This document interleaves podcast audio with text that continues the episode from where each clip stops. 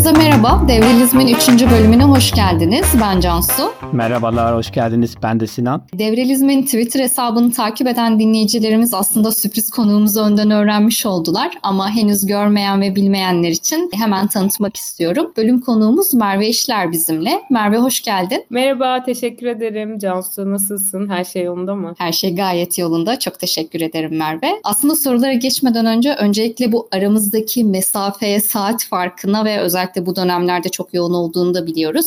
Bizi kırmayıp katıldığın için tekrar çok teşekkür ederiz sana. Ben teşekkür ederim davetiniz için. Peki. Biz Sinan'la çok güzel sorular hazırladık senin için ve hatta senin bu konular hakkındaki düşüncelerini de çok merak ediyoruz.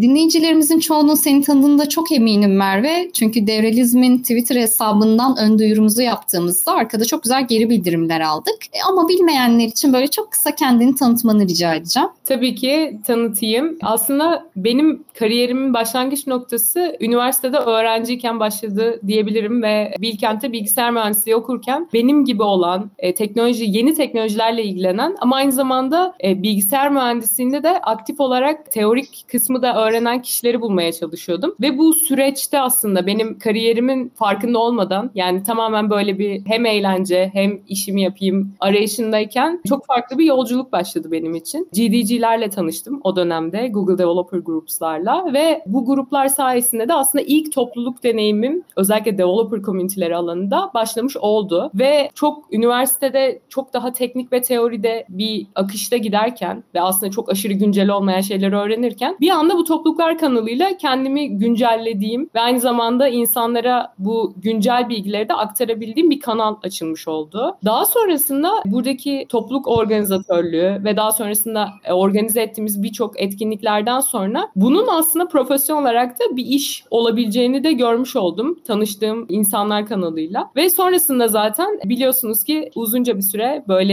yaklaşık 3 seneye yakın Google topluluklarının hem kurulması hem de desteklenmesi gibi bir bir rolüm vardı. Ve o süreçte de tabii ki birçoğunuzla hatta şu anda da Sinan'la e, tanışma imkanım oldu. Ve tabii ki beraber birçok projeler, e, etkinliklerde yer aldık. Bu süreç boyunca ben aslında topluluğun sadece bir eğlence alanı, hobiden öte aslında birçok e, startup'a, teknoloji ürününe de destek verdiğini ve onların da aslında hem pazarlamasına hem büyümesinde çok etkili olduğunu fark ettim. Ve aslında bunun daha iyi nasıl yapabilirim? Yapabilirim? Yani bu topluluk hobimi nasıl ileri götürebilirim derken kendimi bir anda zaten bu sürecin içinde buldum. Şu anda da Amerika'da San Francisco'da yaşıyorum. Burada topluluk danışmanlığı üzerine bir şirketim var ve orada birçok startupla, incubation programlarla, Yuan'le çalışıyorum. Onlara nasıl topluluk kurabilirler kendi ürünleri etrafında ve insanlara nasıl kendi ürünlerine duydukları heyecanı nasıl başka insanlara hissettirebilirler aslında bunun üzerine çeşitli strateji stratejiler geliştiriyoruz. Bunun haricinde de bir şirket daha kurdum aslında iki ay önce yaklaşık. Bunları evet. tabii çok fazla duyurmadım. Artık bu podcast'i dinleyenler ilk defa bunları duyuyor olacak. Ve o şirket kanalıyla da yine aslında hani çok topluluk mindsetiyle başlayan ve creator ekonomi dediğimiz bu içerik üreticilerinin çok daha efektif bir şekilde içeriklerini üretebilecekleri bir platform geliştiriyoruz şu anda. Buradaki ekiple beraber. Bu şekilde şu anda ana fokuslarım bu iki şirket. Bunların haricinde de San Francisco'da Founders Live adında bir topluluk çatısı altında aylık olarak pitch competition dediğimiz yani insanların startuplarını anlattığı ve yarıştığı ve sonrasında da güzel bir canlı müzikle bitirdiğimiz etkinlikler düzenliyorum. Burada Presidio tarafında House of Web3'de her ay. Bu şekilde e, diyebilirim kısaca. Süper. Peki Merve sence burada community manager rolünün geleceği ne durumda? Nasıl gidiyor? Senin gibi yine bilgisayar mühendisi mezunu olup e, acaba teknik bir alandan mı gitmeliyim yoksa community gibi farklı bir alandan mı gitmeliyim? Aslında kararsız kalan insanlar var. Ben de diyorum ara sıra bu soruyu. Sen ne düşünüyorsun bu konuda?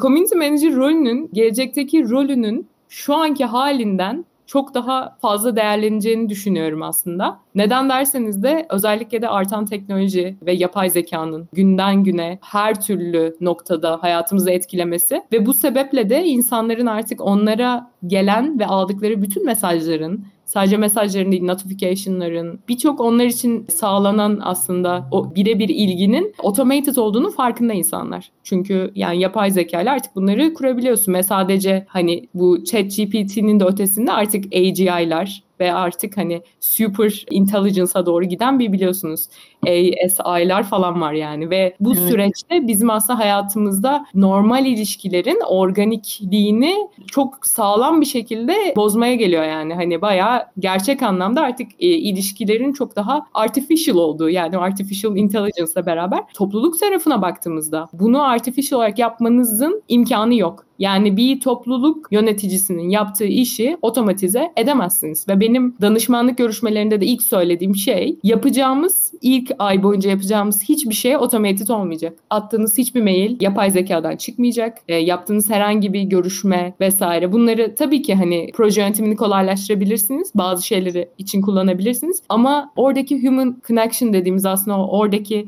insanların arasındaki bağlantıyı kesinlikle kaybetmememiz gerekiyor. Bunu da ancak bir insanın insana dokunmasıyla başarabiliyoruz. O yüzden özellikle de topluluk yöneticiliği gibi bir mesleğin günden güne çok daha değer kazanacağını düşünüyorum. Çünkü artan teknoloji e, ürünleri bizim çok daha fazla bunları pazarlama ihtiyacını doğuracak ve bunu da duyurabilmek için insanlar artık kimse maillerine bakmıyor, mesajlarına bakmıyor. Çünkü herkes atabiliyor bunları.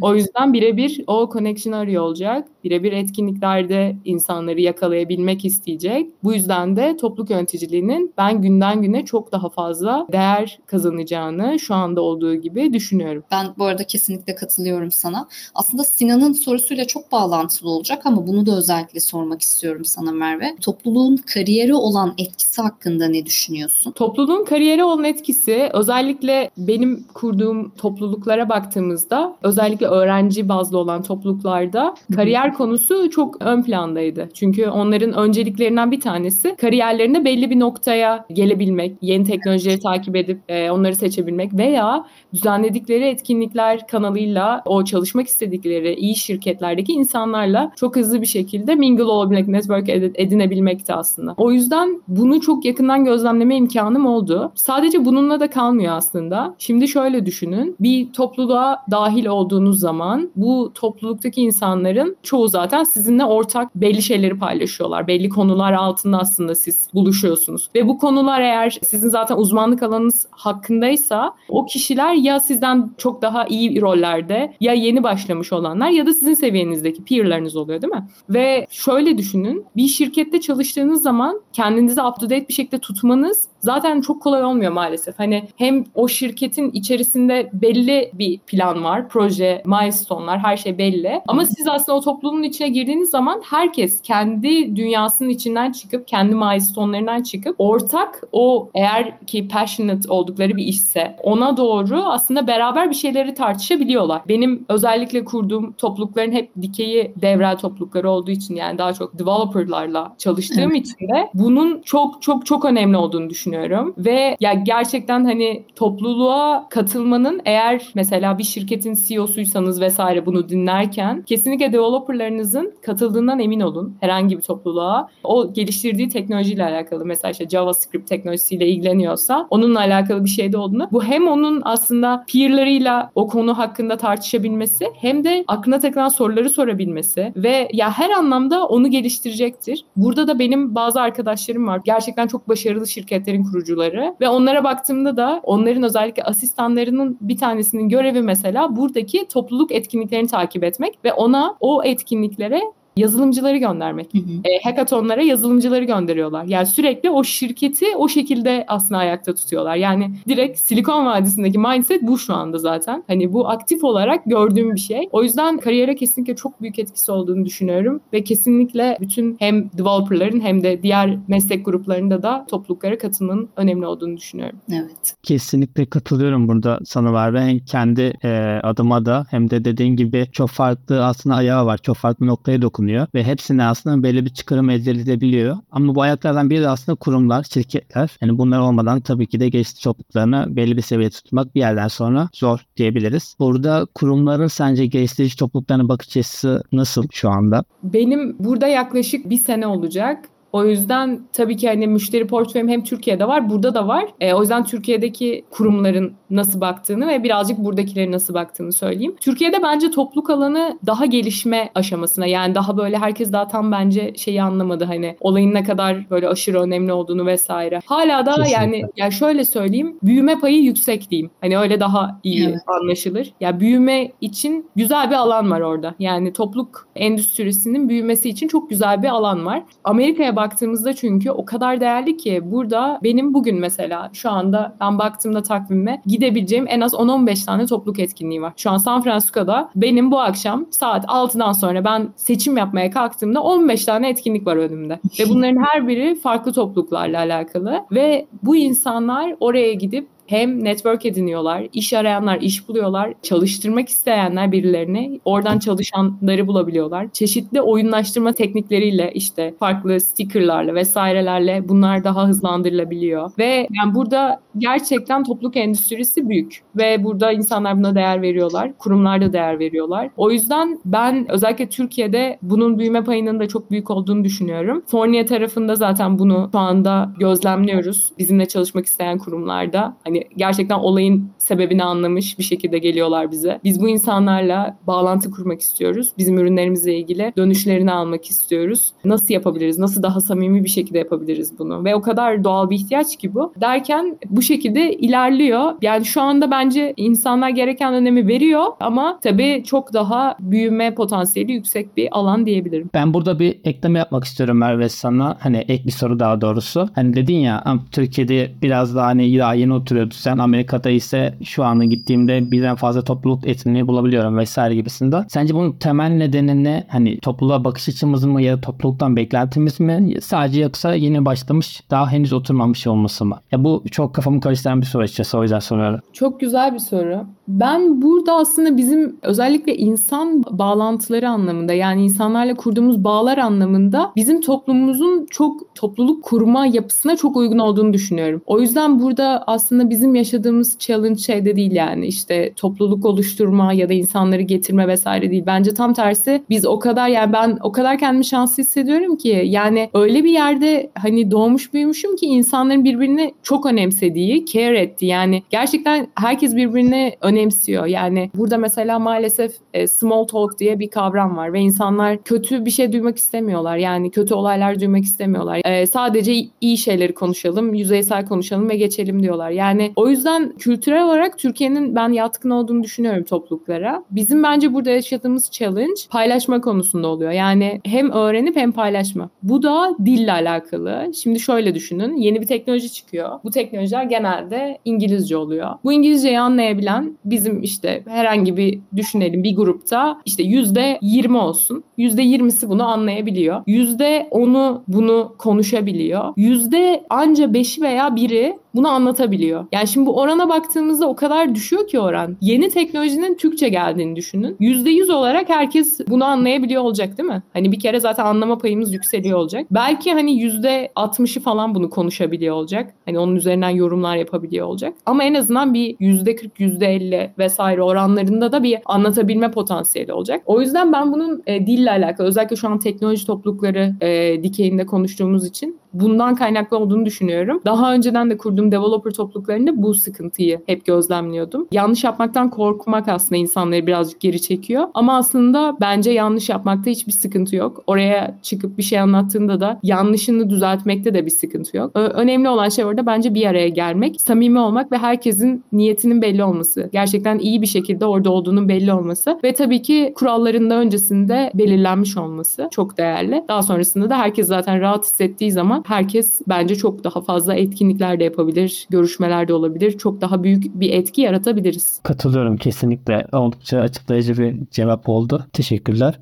Biraz aslında Merve geliştirici toplulukların yapısına girdik, biraz konuştuk ama Ben bu soruyu özellikle de sana sormak istiyorum. Sen de kendini community builder olarak tanıtıyorsun. Buradan yola çıkarak sıfırdan bir komünite oluşturmak istediğimizde hangi adımları izlememiz gerekiyor? Yani o noktada nelere bakmalıyız veya nelere ihtiyaç duyuyoruz? Şimdi bunu tabii ki böyle anlatmaya kalktığımda bu bayağı evet. birkaç tane hani 10 saatlik bir ders olur şu anda. O yüzden ben detaylarına inmeden geniş bir şekilde cover etmeye çalışacağım. İlk başta kesinlikle bir topluluk kurmak istiyorsanız eğer bir deneyiminiz yoksa öncelikle deneyimi olan birisiyle çalışmanızı öneriyorum. Burada illa danışman danışmanlık almak değil, daha önce topluluk kurmuş, toplulukta yer almış, topluluğa bir katkısı olmuş birisiyle önce bu yola çıkmanız gerekiyor. Daha sonrasında o kişiyi bulduktan sonra da ufak bir ekip kurup kendi aranızda önce bu fikre bir ısınmanız gerekiyor. Yani bu topluluğu kurmak sadece işte ben topluluk kuruyorum abi, WhatsApp grubu kurdum tamam hey falan değil yani maalesef. Keşke öyle olsa ama o kadar kolay değil. Bir topluluğa önce sizin inanmanız gerekiyor ve burada bu hani o kurduğunuz çekirdek kadronunda aslında gerçekten herkes passionate mı? İyi mi değil mi? Bu aslında sizin için bir şey MVP oluyor. O evet. kuracağınız toplulukla alakalı. Daha sonrasında kuracağınız topluluğun tabii ki kitlesi kim? Bunu iyi tanımak. O kitle nerede, ne yapıyor ve aslında kuracağınız çekirdek kadroda onlardan var mı? O insanlardan. Mesela şöyle düşünelim. Bu kişiler Flutter developer olsun. Flutter ile alakalı işte toplanacaklar vesaire. Şimdi siz bunu kurmaya kalktığınızda eğer yoksa hani içinizde öyle birisi. Şimdi bir kere oradaki o topluluğun ihtiyaçlarını anlamanız çok zor oluyor. O yüzden onlara bir değer üretecekseniz de hani o da belli olmuyor. Çok yani böyle belki sever bunu hani yaptığımda gibi oluyor. Yani hep varsayımlarla e, ilerliyorsunuz. O yüzden topluluğu kitlesini anlamak ilk başta önemli. Sonra neden kurduğunuzu anlamak çok önemli ve nasıl yapacağınız çok önemli ve ne zaman? Yani buradaki o 5 an 1 kay gerçekten cevaplayabilmeniz öncelikle çok önemli. Ben en çok da aslında topluluk kurmak isteyen böyle product community'si kurmak isteyen startuplara şeyi söylüyorum. Bunu yaptığınızda o insanlara ne gibi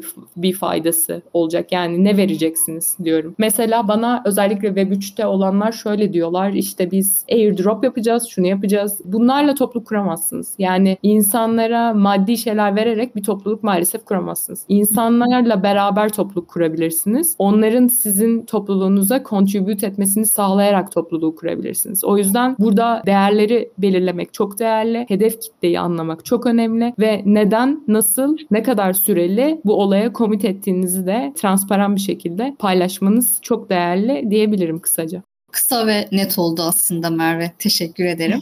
Rica ederim. Peki Merve aynı zamanda bir girişimcisin. Çok kısa bahsetmiştin yayının başında ama bu tarafta neler yapıyorsun? Biraz daha bahsedebilir misin? Tabii ki anlatayım. Özellikle Marvelous'tan bahsetmek istiyorum. Danışmanlık e, Angle'ın e, haricinde aslında şu anda Marvelous adında bir platform üzerine çalışıyoruz dedim. Orada da aslında yapmaya çalıştığımız şey içerik üreticilerinin düzenli bir şekilde gelir kazanabilmelerini sağlamak. Bu ne demek oluyor? Bir içerik üreticisiyle konuştuğum zaman biliyorsunuz benim kardeşim de bir içerik üreticisi. Evet. Ben de mikro bir içerik üreticisiyim aslında. Baktığınızda bir sonraki ayın belirsiz olması aslında sizin o içeriği üretmeniz üretmenizde, üretkenliğinizde de psikolojik olarak bir bariyer oluşturuyor. Benim buradaki en büyük hedefim yani çözmek istediğim en büyük problem bu bariyerleri kaldırabilmek ve tamamen o üretkenliği yani creativity'nin teknolojiyle olan o engelini aradan kaldırabilmek. Bunu da e, sağladığımız platform sayesinde o içerik üreticilerinin sizde birer topluluğuna ait olarak yani onu sağlayarak aslında başarıyoruz.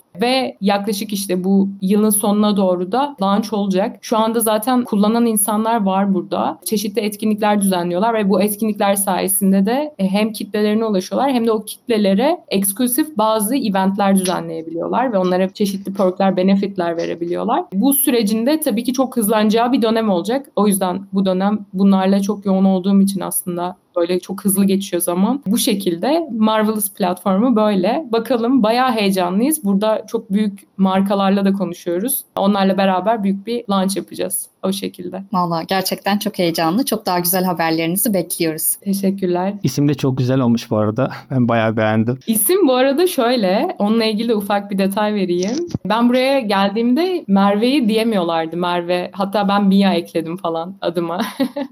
Ondan sonra dedim ki Ya ne Mia'sı ya ben gerçekten Merve'yim yani. Ondan sonra anlatıyorum falan Merve. Ondan sonra burada tanıştığım birisi şey dedi. Merve like marvelous dedi böyle. Çok ben iyi. böyle kaldım. Ondan sonra baktım insanlara Merve like marvelous dediğim anda beni tanıyorlar, hatırlıyorlar. Ve derken buradan çıktı aslında yani. Çünkü ben onu dediğim için artık bana Merve demiyorlardı burada. Marvelous diyorlardı bir süre.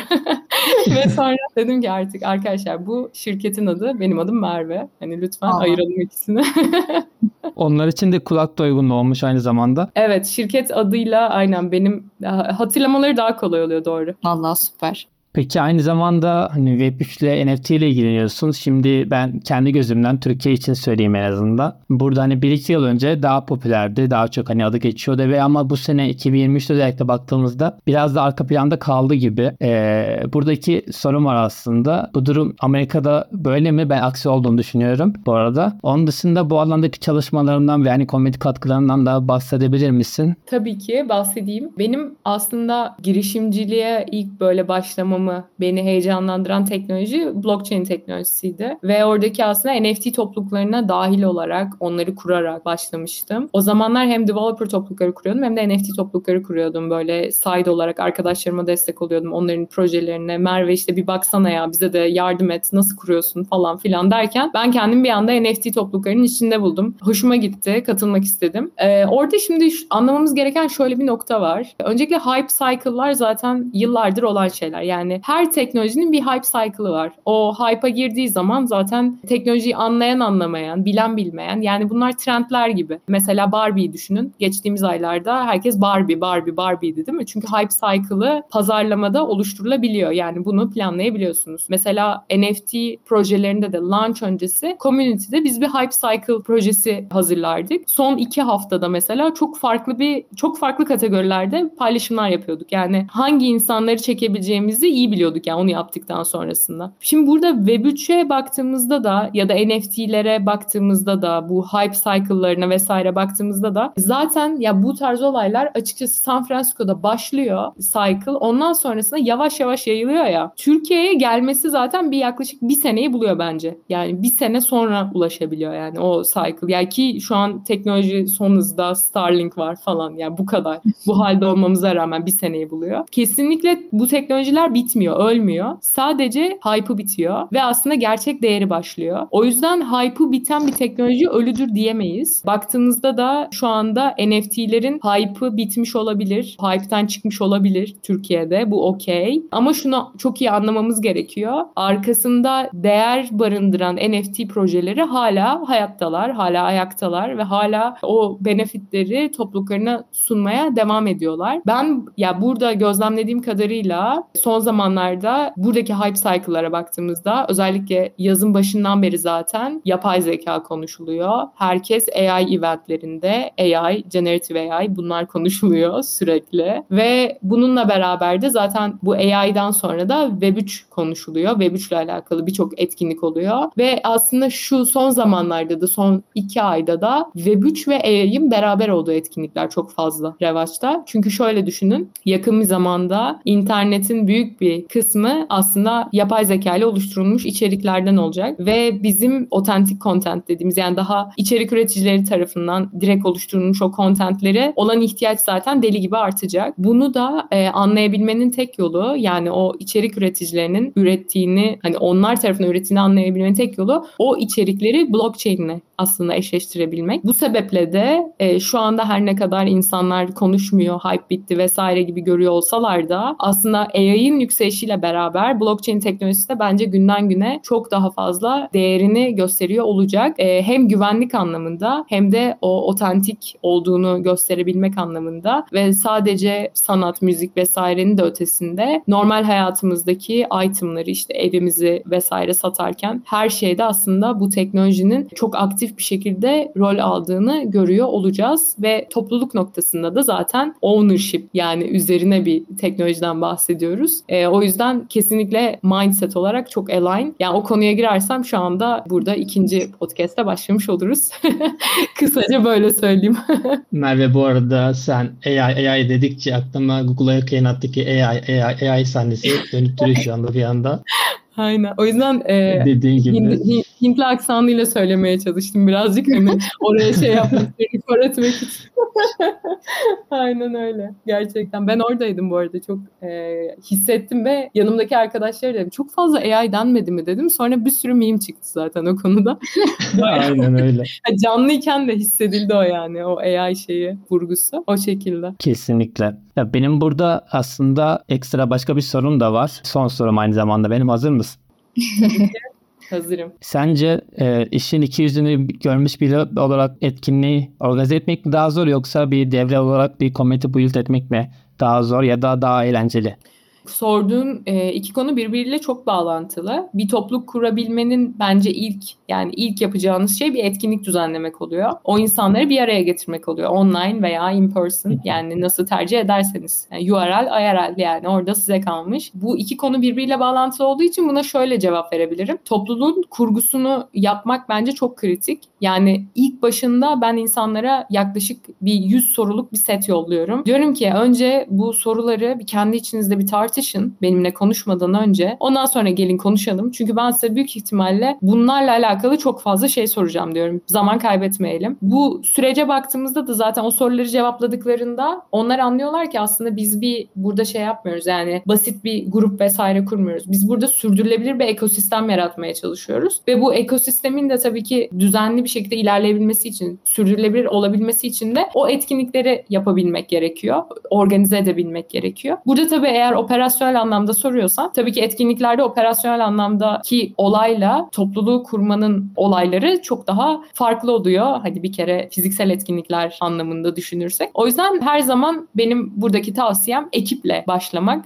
toplulukla topluluğu beraber kurmak ve kesinlikle toplulukla alakalı bir işte çalıştığın zaman da bunu internal olarak da hissedebilmek çok değerli diyebilirim. Bu şekilde cevap vereyim buna. Bence gayet detaylı ve net oldu. Teşekkürler Merve. Peki rica Biz, ederim. Biz aslında Sinan'la sorularımızı tamamladık Merve. Ben de çok teşekkür ediyorum sana. Peki senin bu bölümü dinleyenler için söylemek veya eklemek istediğin bir şey var mı? Öncelikle e, zaman ayırıp bu podcast'i dinledikleri için çok teşekkür ederim. Ben düzenli olarak bu alanda içerikler üretmeye çalışıyorum. Daha fazlasını da üretmek için şu anda ekibimle bir strateji çalışıyoruz zaten. O yüzden herhangi bir konuda soruları vesaire veya bu konulara ilgilerini çekiyorsa dinleyenlerin lütfen takipte kalalım. Bana yazın. Hatta bu podcast dinlediyseniz bu da bir işaret olsun. E, bana dinledik Merve deyin. Ben de en azından mutlu olayım. E, ve bununla beraber de tabii ki içeriklerim üzerinden de size katkı sağlamak isterim. İletişimde kalalım. Yani bu konuları dinlediyseniz büyük ihtimalle konuşacak çok şeyimiz vardır. O yüzden herkes kendine iyi baksın. Böyle de bitireyim aynen. Teşekkür ederim. Harikasın. Çok teşekkür ederiz. Valla biz çok keyif aldık. Umarım dinleyicilerimiz de bizimle aynı keyfi paylaşır. Sonraki bölümlerde görüşmek üzere diyorum. Kendinize çok iyi bakın.